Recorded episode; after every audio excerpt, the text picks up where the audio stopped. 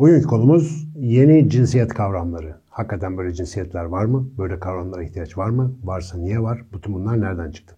Ee, nadiren soru yorumlarda önümde bir defter görürsünüz. Muhtemelen şu anda defterimi görüyorsunuz. Çünkü not almak ve bazı hatırlatmalar yazmak zorunda olduğum bir bölüm. Çünkü burada konuşacağımız tabirlerin büyük bir kısmında ben yakın zamanda öğrenmek durumunda kaldım. Çünkü hani bunu söyleyecek yaşa gelmiş olmak da ayrı bir gurur vesilesi ama benim zamanımda bunlar yoktu diyebileceğim birçok yeni kavramla tanıştım. Hem de benim doğrudan alanımla ilgili olan konular. Efendim konumuz cinsiyet. Daha önceki soruyorum videomuzda, yani inşallah şurada bir link göreceksiniz diye düşünüyorum. Biraz cinsiyet konusunun biyolojik kökenlerinden, azıcık böyle ara cinsiyetlerden falan filan bahsetmiştik. Biraz onu konuştuk.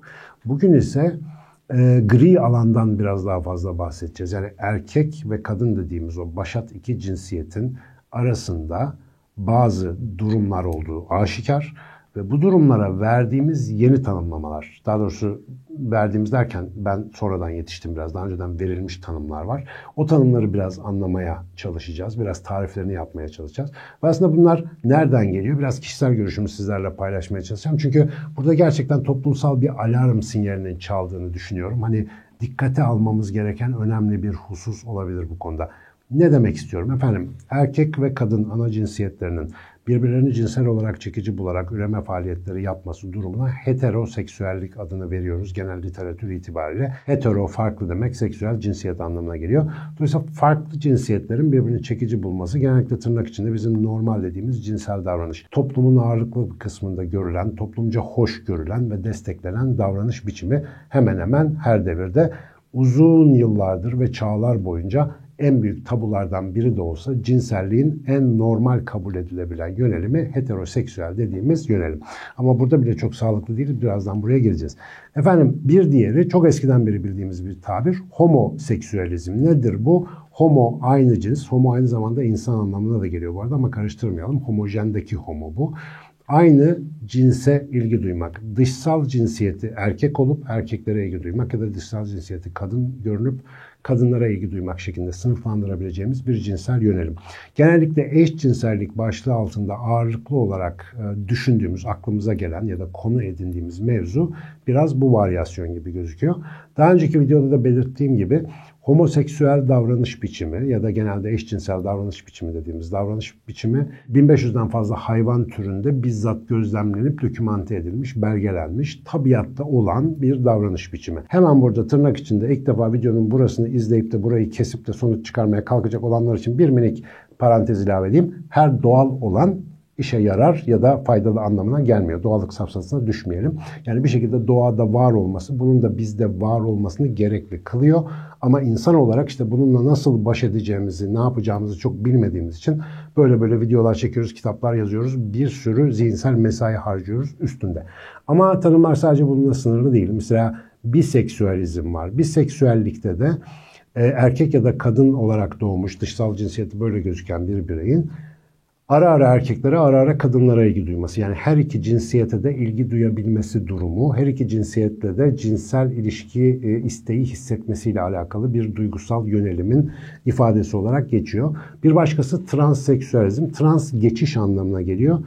Dışsal olarak doğduğu cinsiyeti değiştiren ve kendini karşı cinse, cinsiyete ait hisseden insanlar. Erkek doğup kadın olmak isteyen ya da e, dişi olarak doğup işte erkeğe dönüşmek isteyen böyle bir içsel arzusu ve yönelimi olan e, davranış biçimine de transseksüelizm diyoruz. Çocuklarımdan öğrendiğim iki tane yeni tabir var. Özellikle bunları son zamanlarda çok sık duymaya başladım. Bir tanesi panseksüelizm. Panseksüelizm de erkek dişi fark etmeksizin, erkek kadın fark etmeksizin tüm cinsiyetleri aynı oranda cinsel arzu nesnesi olarak algılama eğilimine verilen bir isimmiş. Bunu da e, yeni yeni öğrendim. Yani bir, bir buçuk sene oldu bu kavram hayatıma gireli. Biraz eskiden biz pan-Türkizm falan diyebilirdik. Nedir o? Dünyadaki bütün Türkler birleşsin ya da zaten dünyanın hepsi Türktür falan filan gibi. Dolayısıyla panseksüelizmde de kısmen radikal versiyonlarında böyle bir iddia var. Cinsiyet diye bir şey yoktur. Bunları siz uyduruyorsunuz. Bunların hepsi birdir herkes kafasına göre istediğiyle takılabilir tarzı bir radikal yorum olduğu gibi bazı gerçekten insanlarda yönelimler de var. Ee, bir fiziksel ya da işte cinsel cazibe hissettiği zaman orada cinsiyet ikinci planda önemli olabiliyor. Buna da panseksüalizm adı veriliyor. Bir de akıcı cinsiyet ya da fluid e, sexuality denen bir durum daha var. O e, daha da bir enteresan. E, bu kavramı da yeni yeni oturtabildiğimi düşünüyorum. Akıcı cinsiyet heteroseksüel ya da homoseksüel bir yönelime sahip olmakla beraber zaman içinde arada bir değişik periyotlarla yönelimi diğer cinsiyete kayan, sonra diğer başka bir cinsiyete kayan, bazen heteroseksüel, bazen homoseksüel, bazen biseksüel, bazen transseksüel hissedebilen bir e, duygusal yönelim yapısını aslında tarif ediyor. Dolayısıyla akıcılık da biraz buradan geliyor. Yani cinsiyet karakteri sıklıkla ve aperiyodik olarak yani bir rit, belli bir ritmi olmadan değişebiliyor. Şimdi bütün bu tanım, burada başka daha alt tanımlar var da özellikle şu binary olayını çok seviyorum. Binary e, ikili demek malum erkek dişi olarak kastettiğimiz e, bir cinsiyet tarifi ya da kategorizasyonu. Non-binary diye bir e, başlık altında toplayabiliriz aslında bunların çoğunu. Biz o ikiliye ait değiliz. Yani o ikili bizi bağlamıyor. O erkek dişi tanımlamaları e, bizim için geçerli değil. Biz onların dışında tanımlanmak istiyoruz. İşte adım Osman, adım Sinan, adım Ayşe, ben buyum, onun dışında başka bir tanımlama istemiyorum tarzında bir yaklaşıma da aslında temelde non-binary diyebiliriz. Çok kaba bir e, tarifle böyle e, ele alabiliriz. Şimdi tabii tanım verdiğim, özellikle de popüler konuların tanımlarını verdiğim böyle bir videoda aşağıdaki yorumlar coşacak şimdi hissediyorum. Çünkü Özellikle bu yorumlara uzun süre kafa yormuş arkadaşlar. Şimdi bunların ne alt termiklerini ne dal budaklarını üretmişlerdir. Hoca hoca o bildiğim mesele aslında öyle değil şöyle. Şimdilik amacımıza giden yolda bu basit tanımlama girizgah olarak yeterli diye düşünüyorum. Ama tabii ki bu arada tanımlarda bir eksiklik, eklemek istediğiniz bir şeyler, yorum bölümü o yüzden çok faydalı. Oraya yapıcı katkılarınızı da muhakkak beklediğimin altını çizeyim. Şimdi efendim niye var böyle tanımlar? Hani biz küçükken niye yoktu? 100 sene, 500 sene önce niye böyle dertlerimiz yoktu? Başka dertlerimiz vardı ama bu tip terimler yeni yeni ortaya çıktı ve insanlar bunların üzerine bayağı büyük tartışmalar yürütüyorlar. Özellikle bu alfa kuşağı denen işte Z kuşağı ve alfa kuşağının e, genel gündeminde bunlar bayağı yer işgal ediyor gibi. Benim çocuklarımın yaşıtları, etrafları ve benim işte öğrenci arkadaşlarımda çok fazla gördüğüm hani bu tip konuların dolaşımda olduğu hatta uygulamaya geçtiği bir hayat tarzını izliyoruz. Ve bu aslında bir toplumsal protesto gibi bir görüntü veriyor aslında genelde baktığımda. Ee, hani şey tuzağına düşmeye sıklıkla ben de yatkınım artık 50 yaşlarına yaklaşan birisi olarak. Ya bu gençler de yeni yeni arıza kavramlar çıkarıyorlar kardeşim bizi meşgul ediyorlar falan kafasıyla. Bu gençlerde bir afacan falan gözüyle bakma her zaman bizim de düşebileceğimiz bir tuzak. Ama o tuzağın biraz dışında görebildiğimiz e, bir açık gerçekte şu ki toplumsal olarak oluşan her türlü talep, her türlü hareket, her türlü aksiyon bir şeyin aksu sedası yani gelen bir şeylerin doğal bir sonucu ve biz bu sonucu anlamak için biraz onun izleyine bakmamız lazım. Evvel emirde, ilk başta, her şeyden önce yıllardır anlatmaya çalıştığım bir konu var. Kadın ve erkek dediğimiz kategorizasyon bize ait kültürel bir icat ve tercihtir. Ve biz bunların üzerine koskoca bir tabiri caizse mitoloji inşa etmiş bir türüz ve çeşit çeşit efsanelerle, çeşit çeşit sosyal rollerle, çeşit çeşit ezberlerle bu mitolojiyi oldukça zenginleştirip çeşitlendirmiş vaziyetteyiz. Tabiattaki erkek dişi meselesinden tamamen farklı bir erkek kadın mevzusu içerisinde binlerce yıldır debelendiğimizi lütfen unutmayalım. Daha 1950'lere kadar hani medeniyetin beşiği diye günümüzde bilinen Amerika Birleşik Devletleri'nde kadınlar oy versin mi vermesin mi tartışmasının devam edebileceği kadar debilleşmiş bir durumdayız. Yani kafamız hakikaten basmıyor mevzuya ve ırkçılık olsun, cinsiyet olsun bu meselelerde hakikaten taş devrinden çok da fazla ileri gidebilmiş durumda değiliz. Hatta birçok açıdan taş devri insanlarından daha da kötü bir durumdayız. Yani bütün bu terimler olmadan önce de hiçbir şey halim selim ve gayet aklı başında ilerliyor değildi. Bizim toplumsal kabullerimiz, toplumsal cinsiyet rollerimiz kesinlikle doğamıza uygun değildi. Bunu sıklıkla ben altını çizmeye çalışıyorum. Özellikle yakın dönemlerde 70'lerde 80'lerde işte dünyayı çeşitli şekillerde etkileyen mesela feminizm ve benzeri akımlar, e, işte kadın erkek eşitliği çabaları vesaireler bütün bu tartışmaların bizim kendi icadımız olan sosyal cinsiyet rollerinin birbirleriyle çatışmasıyla alakalı olduğunu fark etmek lazım. Tabiatta hiçbir canlıda erkek dişi eşitliği, erkek dişi hakları gibi bir mevzunun olmamasının bir sebebi var. Bir kere bizim kadar büyük beyinleri yok ve bizim gibi kendi üzerlerine bir kültür yapıştırıp da onunla bambaşka bir paralel evren yaratmıyorlar. Hepsi doğal koşullar içerisinde kendi sistemleri ve ekipmanları uyarınca işte barış içinde bir yaşam sürüyorlar ve bir şekilde verilene razı oluyorlar. Yani yapacak bir şey yok. Ama biz tabiattan kopuşumuzun getirdiği bir sanal kültür içerisinde bütün bu meselelere özellikle de en büyük ruhsal, fiziksel ve duygusal itkileri hissettiğimiz cinsellik konusunda çok aşırıya kaçmışız. Çok abartmışız konuyu dallanıp budaklandırmayı. Bütün inançlarda, bütün kültürlerde hemen hemen tartışmasız en büyük tabulardan biri cinselliktir. En hızlı kontrol edilmesi gereken, en iyi kayda geçirilmesi gereken şey insanların cinsel birlikteliği ve üremeleri sonucunda ortaya çıkacak fertlerin kanuni, sosyal vesaire durumlarıdır. O yüzden mesela birçok primat çok eşli olmasına rağmen insanlık binlerce yıl boyunca ağırlıklı olarak tek eşli bir birlikteliği seçerek kültürel evrimin ayrılmaz bir parçası haline getirmiş gibi gözüküyor. Bu tek eşli evlilik işte soyun, malın korunması falan gibi bir sürü sosyal faydayı da sağladığı için defaatle seçilerek galip gelmiş gibi gözüküyor. Fakat bunun içerisinde 10 bin sene kadar önce biz işte tarımı keşfedip de şehirlere yerleşip üretime üretime başladığımızda bu bahçe, bu tarla benim diye sınır çekmeye başladığımızda mülkiyet, artı değer bir şeyler üretmeye başladığımızda yavaş yavaş bu malın korunması, kas gücünün efendim e, erkeklerdeki kas gücünün hanımlardaki letafetten bir tık daha önemli addedilmeye başlaması falan filan gibi bir sürü parametreyi de soktuğunuzda insanın ürettiği ekonomik değerler ve bir şekilde kültürel yaratımı insanın kaderini belirleyen bir anlatıya dönüşmüş durumda. Bütün bu hikayeleri neden söyledim? Daha dün çok normaldi de bugünün gençleri nevzuhur bir takım icatlarla karşımıza çıkıyor gibi bir kolaycılığa düşmeyelim diye. Biz zaten normal bir yerden gelmiyoruz. Kadın ve erkeğin sosyal hayattaki rollerinin kadın ve erkeğin fabrik ayarlarıyla hemen hemen hiçbir alakası yok. Bir kere kurduğumuz kültürde, yaşadığımız hayatta, eğitimimizde, iş hayatımızda, sosyal gündemimizde biyolojik cinsiyetimizin hemen hemen hiçbir önem arz etmediği çok farklı yapılar kurduk. Mesela iş ortamında kadın ve erkeğin eşit koşullarda, kanun önünde kadın ve erkeğin eşit koşullarda olmasını gerektiren bir toplum yapımız var. Ama burada o eşit koşulları sağlayabilmek için kimin nerede fazla nerede eksik olduğunu bilebilecek kadar insanı tanımıyoruz. Yani eşitlik vermek istediğimiz varlığın özünden bilgani olduğumuz için kadının, erkeğin ya da cinsiyet dediğimiz meselenin özelliklerinden, tabiattaki oluşundan, bize yansıyış biçiminden bir haber olduğumuzdan ezberlerimiz üzerine kavga ederek zaman geçiriyoruz. Maalesef bu açıdan bakınca insan kültürünün büyük bir kısmı kendi fikirleriyle savaşan, hani o yel değirmenlerine işte ata binip de saldıran Don Quixote misali kendi gölgesiyle kavga eden bir görünüm arz ediyor ve bu gerçekten hoş bir durum değil. Özellikle bu dönemde yeni cinsiyet tanımlamalarının bir şekilde gündeme gelmesi aslında temelde sosyal bir protesto.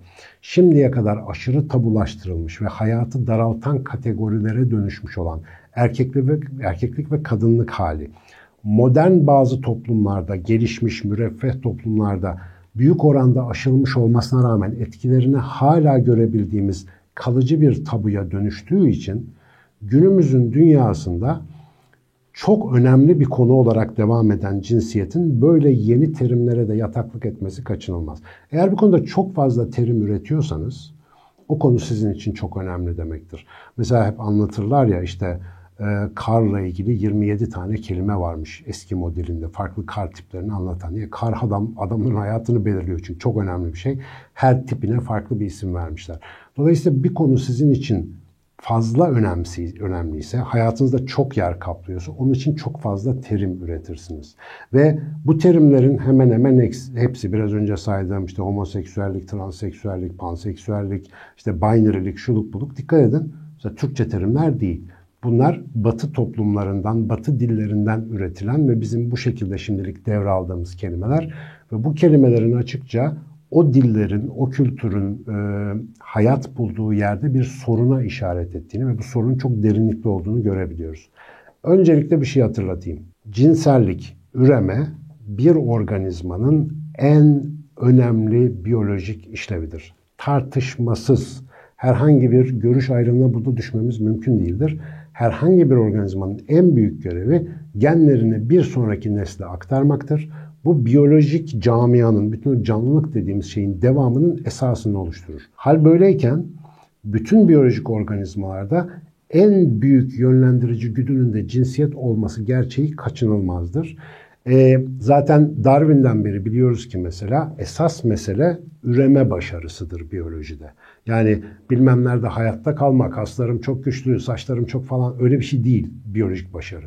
Yani boy, poz, endamla alakalı bir şey değil. Genlerini aktarabiliyorsan başarılısın. Çünkü o genler canlılık denen şeyin devamına senin de aracılık ettiğin bir katkı sağlıyor. O yüzden çok çok çok önemli ve bütün mekanizmaları yöneten bir temel itki gibi düşünebilirsiniz cinselliği. Bütün canlılar da böyledir. O daha önce bahsettiğimiz tavus kuşunun devasa kuyruğunu oluşturan da budur. Yengeçlerin yazık sakat gibi koskoca tek bir böyle devasa kıskaçla ömür geçirmek zorunda kalmalarına neden olan da cinsel e, seçilim dediğimiz bir konudur. Bütün canlıların şeklini, şemalini ve davranışını bütün günlük hareketlerini belirleyen bir şeyden bahsediyoruz cinsellik derken. İnsan bundan ari mi? Hayır değil. Freud'a birçok insan zamanında da şimdi de ya sapık bu herif her şeyi cinselliğe bağlıyor falan filan diyor ama beynimizin arka planındaki çalışma örüntüsünde en büyük belirleyici olan şey diğer bütün hayvanlarda olduğu gibi bizde de üreme güdüsü. Ha biz insan olarak ne yapıyoruz? Bütün güdülerimizi hani var olan bir yerden insani tuhaf bir yere taşıyoruz ya. Mesela bizde bir cinsel güdüyü, işte libido denen o gücü aslında bir yaratıma dönüştüren falan enteresan bir tarafımız var. Yani libido aynı zamanda bizim sanat, edebiyat, felsefe, bilim falan üretmemizi de sağlayan bir itici içsel motivasyona da dönüşebiliyor. O ayrı bir husus ama yine burada bir üreme güdüsü var. Özellikle ergenlik yaşlarını yeni geçirmiş arkadaşlar ne demek istediğimi anlayacaklar. İşiniz gücünüz buydu değil mi o yaşlarda? Sürekli aynaya bak, kaş göz, ah, kaşlarım düştü mü, göz kalemimi çekeyim ben. Niye bunlarla uğraşıyordunuz? Kendinizi gösterme ihtiyacı, bir şekilde cinsel prezentasyon ihtiyacı o kadar baskın ki hayatınızdaki bütün hareketleri denetleyebilen bir ana yönlendiriciye dönüşüyordu. Ve çoğumuzun ömrü boyunca bu yönlendirici arkada aynı büyük orkestra şefi olarak çalışmaya devam ediyor. Bu kadar önemli, bu kadar yönlendirici, bu kadar belirleyici bir duygulanımlar silsilesi yani o cinsel güdüler ve onunla alakalı her türlü davranışlar. Düşünün ki hayata ne kadar direkt etki yapan bir şey. Ve dolayısıyla zaptu rapt altına alınması en zor etkilerimiz de bunlarla alakalı. Mesela suçların büyük bir kısmı neden cinselliğe alakalı, cinsellikle alakalı suçlar. E sebebi bu. Çok zor etkiler. Biraz da beyinde fren sistemi iyi çalışmadığında insanlar oradan patlıyorlar mesela. Şimdi bu kadar uzun girizgahı niye yaptım cinsellikle ilgili? Toplumsal olarak bu kadar büyük tabuların oluşmasının en önemli nedeni bu güdünün çok kuvvetli ve çok belirleyici olmasıdır. Dikkat edin tarih boyunca insanlar hep cinselliği zapturapt altına almaya, hep kapalı ve sınırlı tutmaya, hep kontrol etmeye ve hep bunun üzerinden bir şeyler yönetmeye çalışmışlar. Güç ve erkin simgesi ya da dışa vurumu da hep cinsellik üzerinden olmuş. Bütün bu meseleleri düşündüğünüzde cinsellik meselesinin, cinsiyetlerin, onların rollerinin aşırı çarpılmış tabulara dönüşmesini algılayamayacak bir şey yok aslında. Son derece basit. Sorun şu ki Bugün biz bununla ilgili sağlıklı bir ve kalıcı bir dönüşüm, e, bir değerlendirme, bir fikir üretimi yapmak istiyorsak bu sorunun evveliyatını, biyolojik kökenlerini, psikolojik altyapısını ve sosyal nedenlerini doğru analiz etmemiz lazım. Ve doğru analiz ettiğimizde bugün bu karşımıza çıkan cinsiyet tanımlarının aslında çok önemli bir yardım çığlığı, değişim çağrısı olduğunu da fark edeceğiz. Bundan birkaç sene önce Kanada hükümeti cinsel yönelimi farklı bireyler için farklı zamirlerin kullanılması yönünde bir kanun teklifi hazırlamıştı. Yani dile işte he, she dışındaki zamirlerin şu anda hatırlamıyorum tam ne olduğunu eklenmesi üzerine hani devlet eliyle bir öneri getirilecekti. Buna bir klinik psikolog olan Jordan Peterson bir itiraz etti ve Jordan Peterson'ın bütün dünyada ünlü bir e, efendim aktivist olmasına sebep olan olaylar zinciri de böyle başladı. Jordan Peterson'ın söylediği net bir şey vardı. Şimdiye kadar hiçbir devlet, hiçbir güç bir dile kelime eklemek ya da çıkartmak gibi bir cürette bulunmamıştır. Bu asla kabul edilemez ve böyle bir şey devlet eliyle dayatılamaz. Eğer doğal olarak sistem, toplum bunu kabul ederse bu kelimeler yaygınlaşır ve kullanılır. Kabul etmezse silinir gider. Devlet bunu dayatamaz dedi Fakat Jordan Peterson bunun üzerine homofobik olarak, faşist olarak çok ciddi çevreler tarafından saldırıya da uğradı. Ve baya baya internette bulabilirsiniz. Ee, bir 5-6 yıldır bu konularda yoğun olarak gündeme gelen bir arkadaş. Ve kendisi aynı zamanda ciddi bilimsel çalışmalarla da uğraşan bir klinik psikolog olduğu için cinsiyet eşitliği konusunda yaptığı çalışmalarla da enteresan açılımlar sağlıyor. Tabii bu e, insanların cinsiyet algılarıyla ve toplumsal cinsiyet problemleriyle kavga etmeyi sırf kavga için sevenlerin çok dinlemeyi sevmediği bazı çalışma bulgularını paylaşıyor Jordan Peterson. Mesela şöyle bir örnek var. Ee, Kuzey Avrupa ülkeleri genellikle kadın erkek fırsat eşitliğinin en iyi sağlandığı ülkeler gibi işte Danimarka'dır, e, işte Hollanda'dır, İsviçre'dir, İsveç'tir falan filan gibi ülkeler. Bunlar e, kadın erkek arasındaki fırsat eşitliği konusunda hemen hemen bizim bildiğimiz sorunların hiçbirini yaşamıyorlar. Fakat orada mesela gençlerin üniversite tercihlerine bakıyorsunuz. Kız çocuklar ağırlıklı olarak gidip hemşirelik falan bölümlerini tercih ediyorlar. Erkek çocuklar çok ağırlıklı olarak mühendislik bölümlerini tercih ediyorlar. Ve Jordan Peterson diyor ki toplumsal sorunları en aza indirdiğinizde ya da eşitsizlikleri azalttığınızda biyolojik dürtüler baskın çıkar ve onun kendince bir yönlendirmesi vardır. Dolayısıyla Erkekler doğal olarak daha erkeksi, kadınlar doğal olarak daha kadınsı mesleklere yönelirler. Ama tabii ki cinsiyet bir skala meselesi olduğu için, bir derece meselesi olduğu için isteyen kadınlar daha erkeksi mesleklere ve isteyen erkekler daha kadınsı dişil mesleklere yönelebilirler. Bunun önünde bir engel yok. Ama istatistiksel olarak böyle bir yığınlaşmayı gördüğümüz için biyolojik sahiplerin her zaman arka planda çalıştığını ve oldukça belirleyici olduğunu unutmamak lazım uyarısı yapıyor. Özellikle de ben bu konulara teorik olarak kafa yoranların biyolojiyle biraz daha fazla ilgilenmelerini tavsiye ederim. Biz biyolojisinden bağımsız yaşıyormuş gibi görünen ama aslında arka planda biyolojisi tarafından sürekli ittirilip bunun rahatsızlığını hep başka bir şeylere atfetmek zorunda kalan bir garip bir canlı türüyüz maalesef. Bir biçare bir canlı türüyüz. Biyolojik itkilerimizi, dürtülerimizi iyi anlarsak ki şu aralar biyoloji bu konuyu anlatmakta çok çok başarılı. Çok güzel verilerimiz var. Harika bir bilgi dağarcığımız var konuyla ilgili. Bu meselelere biraz daha öyle yaklaştığımız takdirde umuyorum en önemli gelişim alanı insanlık için buradan başlayacak. Tekrar edeyim. Biyolojik olarak en kuvvetli güdümüzün etrafında dönen ve binlerce yıldır süren alevli bir meseleden bahsediyoruz. Son perdesinde artık cinsiyetlerin reddedildiği, ara cinsiyetlerin onanmasının istendiği yeni kategoriler ortaya çıkıyor. Şimdi kadın erkek kategorisi böyle çok belirgin olduğunda sınırlayıcı oluyor ya. Bu yeni kategoriler de kendi içinde ciddi sınırlar taşıyor elbette ama ilk başta bunların ortaya çıkışı hep var olan sınırlardan hissedilen rahatsızlıkla alakalı. Her tanımlamanın bir sınırlama olduğunu unutmadan doğanın bize kendi tanımlamalarımız dışında bizzat yaşamla gösterdiği konulardan dersler alabilirsek bir sonraki aşamayı biraz daha erginleşmiş, biraz daha olgunlaşmış ve biyolojik bilgeliğinden ders alarak yeni bir gelecek inşa edebilme hürriyetine sahip insanlar olarak sürdürebiliriz diye düşünüyorum. Ben bu tartışmaların büyük bir çoğunluğunun faydalı olduğunu düşünüyorum ama son bir not olarak şunu eklemeliyim. İçinde bulunduğumuz dijital veri çağının aynı zamanda bir hakikatin değersizleşme çağı olduğunu hiç unutmayalım.